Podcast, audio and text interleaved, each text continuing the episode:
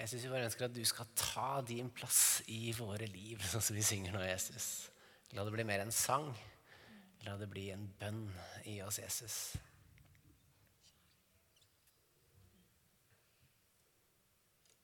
I ditt navn, Jesus. Amen. Så fint, altså. Du, skikkelig fint å være her i dag. Ja, Det er godt at noen andre også syns det, da. men jeg syns det er veldig hyggelig å være her. For de som ikke har fått med seg det ennå, eller som kanskje ikke har vært der før, så er vi denne høsten her i en taleserie i Evangeliuset som heter 'Møter med Jesus'. Og jeg blir skikkelig sånn inspirert når jeg hører sånn som Alf Arne fortelle om folk i Afghanistan som kanskje litt sånn uventa får møter eller får ja, blir dratt nærmere Jesus. Det inspirerer meg skikkelig. altså. Og Det som er på det bakgrunnen for denne taleserien, her, det handler om Johannes evangeliet. Johannes evangeliet det er skrevet på en ganske sånn morsom måte, hvor det på en måte er, Johannes bruker veldig mye tallet syv på alle mulige måter. Han har syv 'jeg er'-utsagn. Altså Jesus sier 'jeg er', og så sier han syv forskjellige ting. Jesus får syv forskjellige titler. Og I tillegg så er det syv under eller tegn eller mirakler i Johannes evangeliet. Og Denne høsten her så går vi rett og slett gjennom eller vi på en måte bruker de historiene om mennesker, enkeltmennesker, grupper som møter Jesus, og hva det sier om hvem Jesus er. For det som er på en måte litt sånn Poenget da, det er at Johannes han prøver ganske enkelt Han avslutter eh, i neste siste kapittel så prøver han å si hvorfor er det jeg har skrevet det her. Og Da sier han det. Jesus gjorde også mange andre tegn for øynene på disiplene. Tegn som det ikke er skrevet om i denne boken, men disse er skrevet ned for at dere skal tro at Jesus er Messias, Guds sønn, og for at dere ved troen skal ta liv i hans navn. Så alle disse møtene med Jesus, alle disse tegna, Alt det Johannes skriver, handler egentlig om å hjelpe oss, hjelpe leserne, hjelpe de som hører det her, til at Jesus er faktisk den han sier at han er. Og Så langt så har vi sett på når Jesus gjorde vann til vin. Vi har sett på Jesus som helbreder eh, sønnen til en romersk høvedsmann. Og så er det kanskje litt sånn rart da, at jeg hopper rett til siste under. Men alle disse historiene her står aleine. Så det går veldig veldig fint. altså. Det som kjennetegner denne historien om at Jesus vekker opp Lasarus, det er at det egentlig er oppsummeringa nesten av alle de andre seks første tegna. Fordi Johannes-evangeliet det, det, begynner med at Jesus gjør flere og flere tegn. De religiøse lederne og lederne for landet blir mer og mer sure. Eh, til på en måte det kulminerer, eller crescendo er på en måte når Jesus bestemmer seg for at han skal vekke Lasarus opp fra de døde. Og så blir på en måte det bildet Det er det på en måte som endelig tipper over, sånn at, sånn at de bestemmer seg for å drepe Jesus i påska. Det skjer rett etter det her. Og i dag det her er en ganske lang historie, så det kommer til å bli mye Bibel i dag. Men det er vi glad for, er vi ikke det? Jo, jeg er i hvert fall veldig glad for det. Jeg tenker vi bare kan begynne med å lese teksten. Og Det begynner med en mann som het Lasarus, var blitt syk. Han var fra Betania, landsbyen der Maria og hennes søster Martha bodde. Det som er litt sånn spennende, da, jeg er litt sånn Bibelen her, det er at Betania, vet du hva det betyr? Det betyr fattighuset. Og Derfor syns jeg av og til det er litt sånn morsomt at menigheter i Norge kaller seg Betania. Det blir fattighuset. Poenget er på at dette var en sånn plass hvor de syke ble dratt med de fattige osv.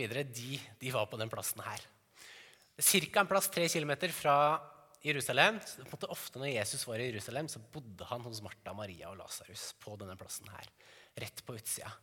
Og da er det kanskje ikke så rart at i kapittelet etterpå så er det historien om når Maria rett og slett åpner opp den dyreste parfyma og salva du kan få tak i og rett og slett sløser bort penger et sted som er omringa av fattige, så blir på en måte sånne type ting det blir sett veldig sånn ned på. Og så står det det var Maria som salvet Herren med fin salve og tørket føttene hans med håret sitt. Lasarus som lå syk, var hennes bror. Og Det er også en litt sånn spennende greie, for det, her skriver Johannes om noe som skjer i kapittelet etterpå. Og det peker jo faktisk på at det her er ikke ment å leses én gang. Det her bør faktisk leses flere ganger. Søstrene sendte bud til Jesus og sa, 'Herre, han som du er så glad i, han er syk.' Og Her på en måte får vi liksom bilde av at dette her er folk som Jesus er skikkelig skikkelig glad i. De trenger ikke å si engang at det er Lasarus. De bare sier 'Dette er han som du er så glad i. Han er blitt syk.' Og Jesus skjønner med en gang at ja, det er Lasarus. Så dette her er på en måte en gjeng som Jesus er veldig, veldig glad i. Og så står det at da Jesus fikk høre det, sa han denne sykdommen fører ikke til døden, men er til Guds ære for ved den skal Guds sønn bli herliggjort. Jesus var glad i Martha og hennes søster og Lasarus. Og så står det da da han hadde fått høre at Lasarus var syk, så ble han to dager til. da. Og Det er liksom som provoserer meg litt sånn ganger når jeg leser Bibelen. Det er at Jesus ikke gjør det som blir forventa av ham. Han, på en måte, han blir to dager til. han. Eh, og da tipper jeg at Hvis jeg var Martha eller Maria Eller Lasarus døde jo for så vidt rett etter at han, han dro. Da hadde jeg blitt ganske sur. Og så tipper jeg at de da sitter med sånn, den erfaringen med at Jesus egentlig ikke hører deres bønnerop, kan, kan man nesten kalle det. Deres litt sånn åh, vi trenger at du gjør det her, Jesus. Men Jesus han gjør ingen forberedelse for å komme. Og så er spørsmålet, Hva gjorde egentlig Jesus? da? Resten av historien peker på at Jesus sannsynligvis ba. For det ser vi igjen og igjen gjennom historien. Jeg tror på en måte vi kan kjenne oss igjen i den opplevelsen av at Gud kanskje ikke alltid hører vår bønn når vi ber til ham. Kanskje vi opplever at svar ikke kommer, eller at ulykker fort skjer. Vi ber egentlig bønner som er etter Guds vilje, men så opplever vi ikke svar her og nå. Da kan det være vanskelig å tro. Det kan oppleves som Gud egentlig ignorerer oss og egentlig ikke er så til stede. Og så viser det på en måte at Guds timing, Guds timing ikke alltid er den samme som vår. Og Så står det videre i historien at deretter sa han til disiplene la oss dra tilbake til Judea. Rabbi, jødene prøvde nettopp å steine deg, og nå drar du dit igjen, sa disiplene. Jesus svarte, har ikke dagen tolv timer? Den som vandrer om dagen, snubler ikke, for han ser denne verdens lys. Men den som vandrer om natten, snubler for han har ikke lyset i seg. Jesus er sånn klassisk, bare svarer noe poetisk, og så skjønner de ikke helt hva han sier. Det er typisk Jesus. I hvert fall i møte med disiplene. Og disiplene hadde jo egentlig helt rett. For rett før det her, som jeg nevnte i stad, de religiøse lederne, lederne for landet osv. er surere og surere på Jesus. Og hvis han drar dit, så kan det ende med at de faktisk steiner han eller dreper han. Disiplene er kanskje ikke bare redd for Jesus, men kanskje også litt redd for seg selv. Hvis vi ser litt åssen de reagerer seinere. For den Historien om Lasarus er ikke bare fortellingen om Lasarus, men det, også, det henger så tett sammen med historien om Jesus. For Ikke bare er det at Lasarus står opp fra de døde, eller blir reist opp fra de døde, men det ligner veldig på det Jesus kommer til å gjøre bare noen uker etter det her. Så Jesus, når han ber, når han venter, så tenker han, nok, tenker han nok ikke bare på Lasarus, han tenker nok også på at så fort jeg drar dit, så fort jeg reiser han opp fra de døde, så har påska begynt. alt jeg må si. Da er, da er alt satt i gang.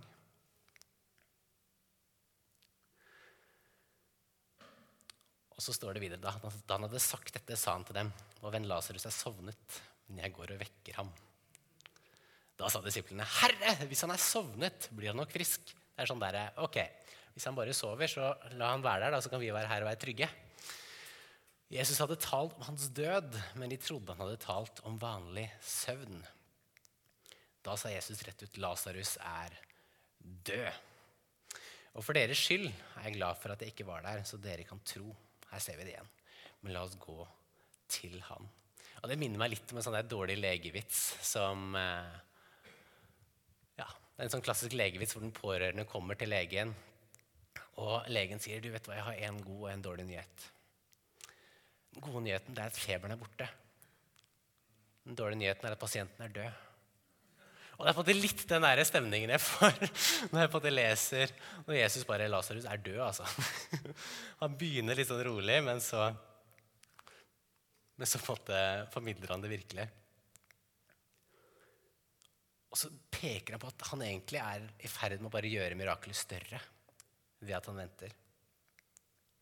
Og så er det litt sånn Det som skjer i denne historien, er at Jesus han overrasker egentlig alle. Det er ingen som forventer eller på en måte gjetter riktig på hva Jesus kommer til å gjøre. Først er det Martha og Maria da, som sender bud på Jesus og forventer at Jesus kommer, men Jesus kommer jo ikke. Og så er det disiplene når Jesus har vært der en stund. Og han på en måte plutselig, mot deres vilje og mot deres eh, tanker om hva Jesus skal gjøre, så drar han. Så han kommer for seint. Og, og, så snakker han om søvn, men så er det egentlig død. Han, på en måte, gjør han gjør ikke helt det som forventes. Så når en følger Jesus, så kan en fort bli overraska altså, over at Jesus ikke alltid gjør ting på en sånn måte som du og jeg ville tenke eller ville tro.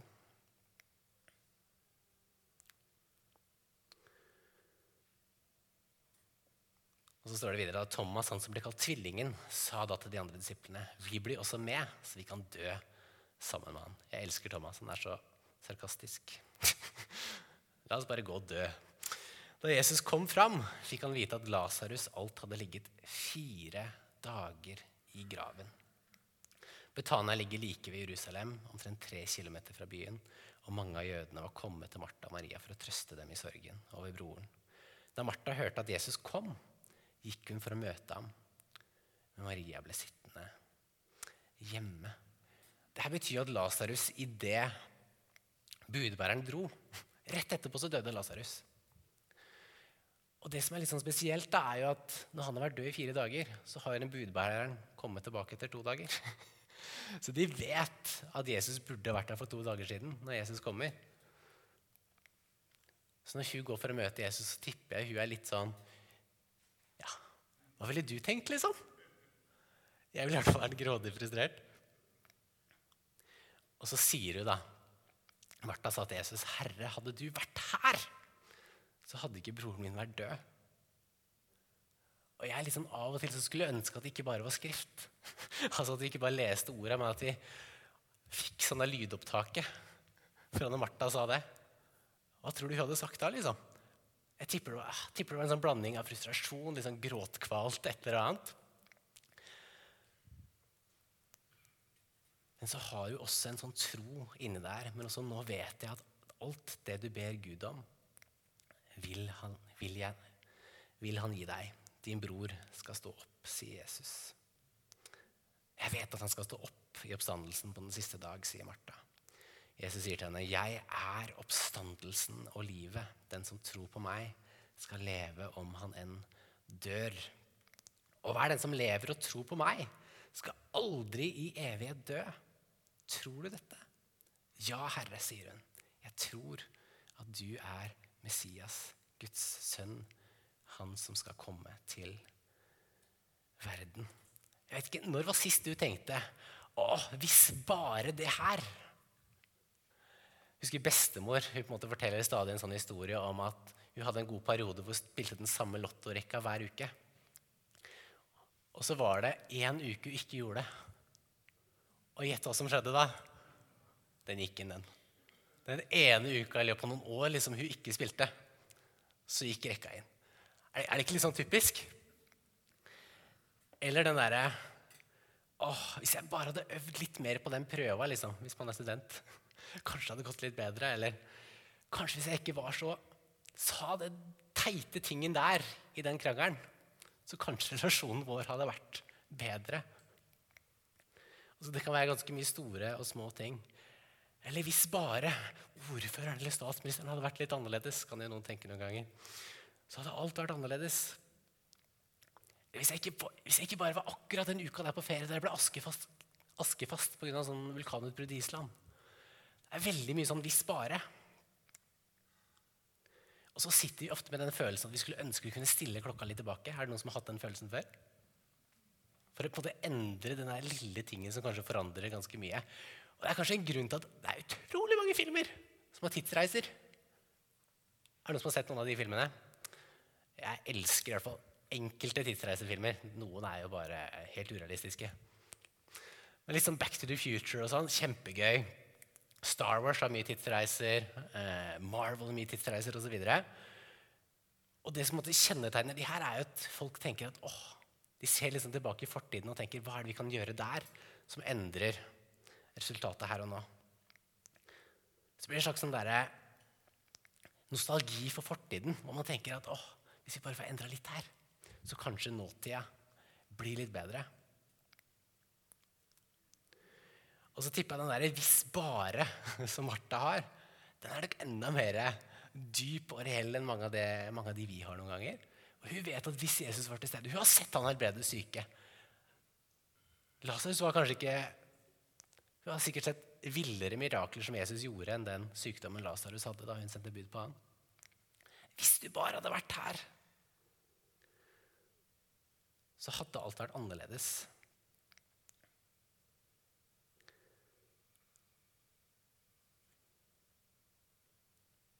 Og det som jeg syns er så fint her, altså.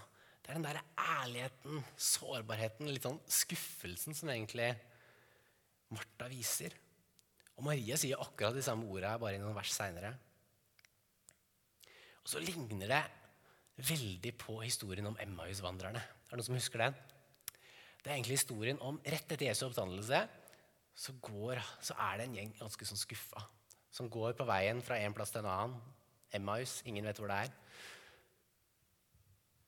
Men så kommer de plutselig i samtale med Jesus uten at de vet at det er Jesus. Og så, og så er det en sånn setning der.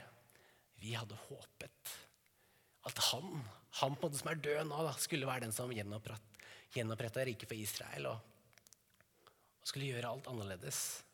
Men så blei det ikke sånn.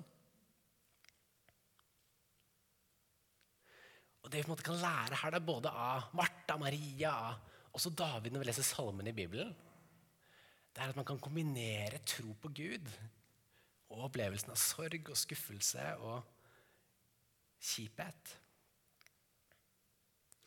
Og så tror jeg på en måte den samtalen viser at tidsreisefilmer det er ikke helt på jordet. Det er litt på jordet, men ikke helt. Forskjellen er bare at Jesus peker framover og ikke bakover. Altså når han snakker, han snakker her på en måte om oppstandelse. Det er akkurat som han tar den fremtiden her og nå og sier at framtiden eller oppstandelsen det handler ikke bare om en sånn der, eh, syngende engler og noen harpegreier i himmelen der framme. Men oppstandelse og evigheten er faktisk en person. Og hvis du stoler på meg, hvis du tror på meg, så er alt annerledes, altså.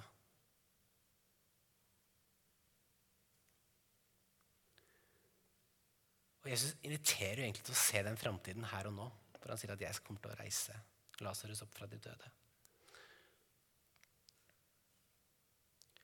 Så akkurat som Jesus egentlig utfordrer til å endre den der 'hvis bare' til 'hvis Jesus'. Tenk hvis, tenk hvis det var sant, da!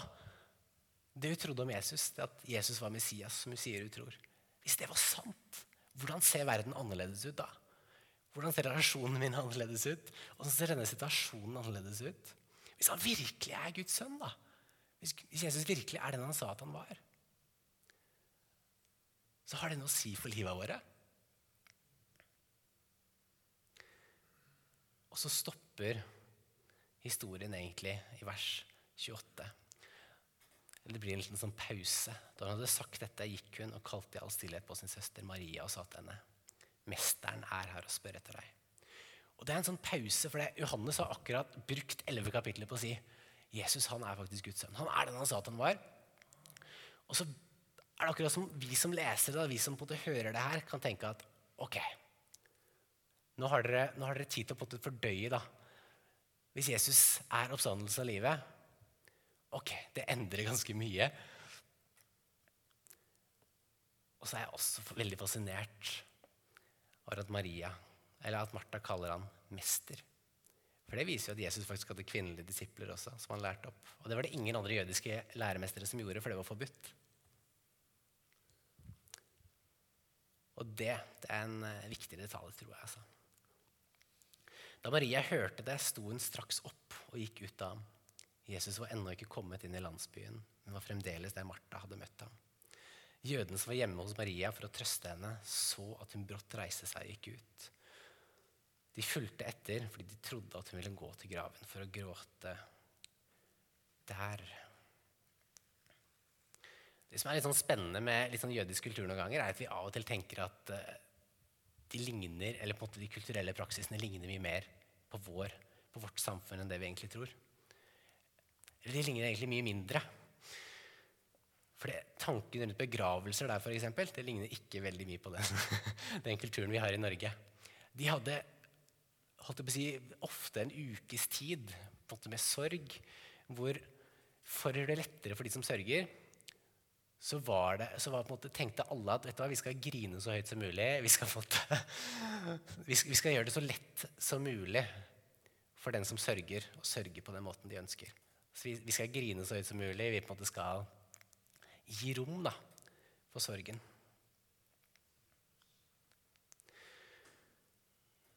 Og så står det videre at Da Maria kom dit Jesus var og fikk se han, kastet hun seg ned for føttene hans og sa, 'Herre, hadde du vært her, ville ikke broren min vært død.' Hun tenker akkurat det samme. Da Jesus så at både hun og alle jødene som fulgte henne, gråt, ble han opprørt og rystet i sitt innerste.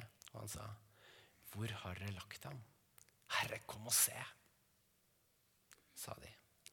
Jesus gråt. Se hvor glad han var i ham, sa jødene. Og Her finner vi faktisk Bibelens aller korteste vers. Jesus gråt. Og Det er faktisk en teolog som blir eh, sitert på det. Han sier at, at det er mye vanskeligere å tro på Gud hvis ikke Bibelen sa Jesus gråt. Han var en tysk teolog og levde i Tyskland og var teolog i mellomkrigstida og andre verdenskrig og etterkrigstida. Og han tenkte at når han så all grusomheten i verden, når han så konsentrasjonsleirene, når han så all elendighet, så tenkte han ja Gud er også en Gud som lider med oss. Og det er en god grunn til at vi kan ha tillit til han og stole på han. Og så er det interessant, for Jeg, vært, eh, jeg jobba i laget før jeg jobba i kirka her. og Da var jeg ofte på universiteter og høyskoler og videregående og, så videre, og ble grilla om tro. Det var egentlig veldig spennende. Jeg fikk veldig mye gode spørsmål. Men et av de aller vanligste og kanskje et av de på en måte vanskeligste spørsmålene er jo hvor er Gud i lidelse? Ulike varianter er hvor var Gud i Auschwitz? I 2012 så hadde, på Universitetet i Bergen så hadde, de et hadde vi et seminar før min tid i laget, som vi kalte 'Hvor var Gud?' på Utøya. Og det har aldri vært så mange på et seminar i lagsammenheng i Bergen. For det er et sånt spørsmål som treffer oss veldig. Og det er ofte en av grunnene til at mange forlater tro også. I møte med lidelse, i møte med det som er vanskelig. Men det som er tydelig i denne teksten her, og tydelig i Bibelen, det er at Gud ikke bare er en Gud som led for oss på korset, men også lider sammen med oss. En som heter Jørgen Moltmann, en annen tysk teolog, han sa det som svar på spørsmålet hvor var Gud i Auschwitz, så sa han at han hang på galgen. han var en Gud som led og lider sammen med oss.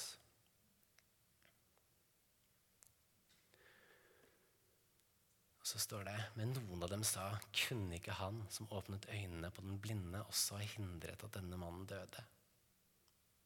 Og det er for så vidt sant. Og det er kanskje derfor Martha og Maria er så frustrerte også. Jesus ble igjen opprørt og gikk bort til graven. Det var en hule, og det lå en stein foran åpningen. Jesus sier, 'Ta steinen bort, Herre', sier Martha, den døde søster. Det lukter alt av ham. Han har jo ligget fire dager i graven. Jesus sier til henne, 'Sa jeg da ikke at hvis du tror, skal du se Guds herlighet'? Jeg syns det er så morsomt med de praktiske detaljene noen ganger. Du vet Når det på en måte i Midtøsten veldig veldig varmt, døde mennesker lukter fort. Ikke at jeg har veldig mye erfaring med det, men jeg, jeg har lest om det i hvert fall. Det var fire dager i Midtøsten, i en hule, når du åpner den steinen, så kan du på en måte prøve å lukte den lukta. det er ikke en god lukt, altså. Og så syns jeg også det er fint at Jesus sier 'ta steinen bort'. For det er akkurat som han inviterer dem til å være med på miraklet på en eller annen måte. Og til å stole på han som en sånn praktisk handling. Og så elsker jeg det siste verset i vers 40 her. Hvis du tror, skal du se Guds herlighet. Akkurat som Jesus sier at det å se og det å tro handler egentlig om akkurat det samme. Og det peker egentlig tilbake i Johannes evangeliet til kapittel 3. Rett før Johannes 3, 16 i 3, 14 så står det at på samme måte som Moses løftet opp en slange i ørkenen Casen der var at det var masse sykdommer og bilder. Og mange mange døde og var syke. Og Så fikk Moses beskjed av Gud om at han skulle lage en sånn der eh, slangefigur som han skulle løfte opp. Alle som så på den slangen, skulle bli friske. Veldig sær historie, men i hvert fall det som er historien. Og så sier Johannes da på samme måte som han ble løftet opp, den slangen ble løftet opp, så skal Jesus bli løftet opp, og at alle den som ser på han, skal leve selv om han enn dør, står det faktisk. Så det å tro og det å se Guds ærlighet, det henger veldig tett sammen. Så det å tro på Jesus handler egentlig om å bare løfte blikket mot Jesus. Og da tror jeg vi kan se Guds herlighet. Og så står det så tok de bort steinen. Jesus løftet blikket mot himmelen og sa, 'Far, jeg takker deg fordi du har hørt meg.' 'Jeg vet at du alltid hører meg, men jeg sier dette av alt folket som står omkring, så de skal tro at du har sendt meg.' Da han hadde sagt dette, ropte han høyt, 'Lasarus, kom ut!' Da kom den døde ut, med liksvøp rundt hender og føtter og med et tørkle bundet over ansiktet. Jesus sa til dem, 'Løs ham og la ham gå'. Jeg syns bønnelivet til Jesus alltid er sånn spennende å, å, se. For før Jesus ber, så sier han, 'Ja, takk for at du har hørt meg allerede'. Jeg vet ikke hvor ofte vi ber akkurat sånne bønner. Det er ikke alltid jeg ber sånne bønner, men han har en sånn tillit til Gud da, om at han alltid hører han. At Gud kjenner våre sukk og våre bønner før de formes til bønner. Han kjenner oss bedre enn det vi kjenner oss selv. Og så hørte jeg en si en gang at det er egentlig veldig bra at Jesus og Lasarus kom ut. For hvis han bare sa 'kom ut', så hadde hele den gravplassen kommet til dansende. For det er så, måte, så mye kraft i Jesus sine ord og hans navn at det var egentlig veldig greit.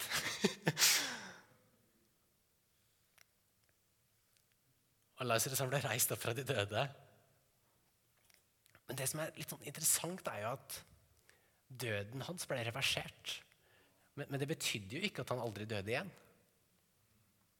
Eller på at de folka Jesus helbreda på jorda. Det var jo ikke sånn at de aldri ble syke igjen. Men det var et sånn bilde og et smakebit av hvordan himmelen er, hvordan ting en dag skal bli. Og så viser han tydelig at han har makt over døden og det er kanskje det mirakelet som tydeligst viser på en måte at Jesus han er mye sterkere. han er Guds sønn. Han er den han sier at han er. At han var. Så alle de tegn og mirakler og bønnesvar vi ser her på jorda, det peker først og fremst mot en dag hvor alle ting skal gjøres nye. Det som jeg av og til syns er spennende det er å tenke hvem er det jeg kjenner meg mest igjen i historien. Når man på en måte leser bibelfortellinger, så syns jeg ofte det er fint å på en måte tenke og se ting liksom fra karakterene sine perspektiver. Noen kjenner seg kanskje mest igjen i Martha. litt sånn busy typen som så fort du hører at Jesus er i nærheten, spurter ut og skal på en måte konfrontere skikkelig. Og hun tror jeg vi kan lære veldig mye av. Maria gjør det også bare litt, litt etterpå, og det er også helt fint. Men hennes første respons er å løpe til Jesus med det som er kjipt, det som er vanskelig, med det vi trenger. Og Det tror jeg vi kan lære. Låsningstiden kan få lov til å komme opp. Kanskje du kjenner deg som Lasarus. Kjenner deg litt død. så tror jeg at Jesus kan møte oss på de områdene også. De områdene av livet som kanskje vi opplever litt døde eller litt nede eller litt ødelagte. Og så tror jeg at i, når vi leser Bibelen, når vi leser historier om hvordan Jesus møter mennesker, så er ikke det bare inspirerende og fint å høre om og lese. og, og sånt. Jeg tror at det også er en invitasjon til at vi kan erfare og oppleve hvem Jesus er. Så uansett hvor du er, så tror jeg at vi kan få lov til å oppleve og møte og erfare Jesus i våre liv.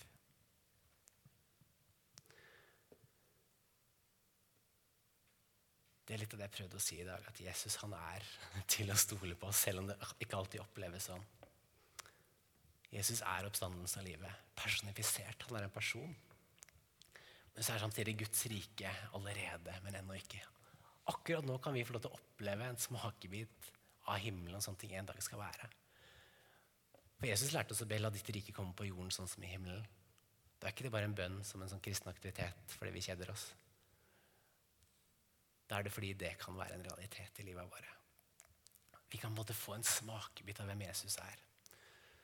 Så kan ikke vi reise oss opp og så ber vi, så ber vi sammen. Jesus, takk for at du er en god Gud. Takk for at du er oppstandelsen av livet, at vi kan få lov til å oppleve og få smakebiter av hvem du er her og nå.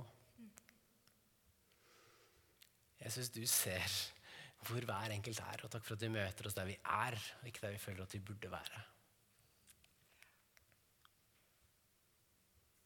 Kom, Hellige Ånd.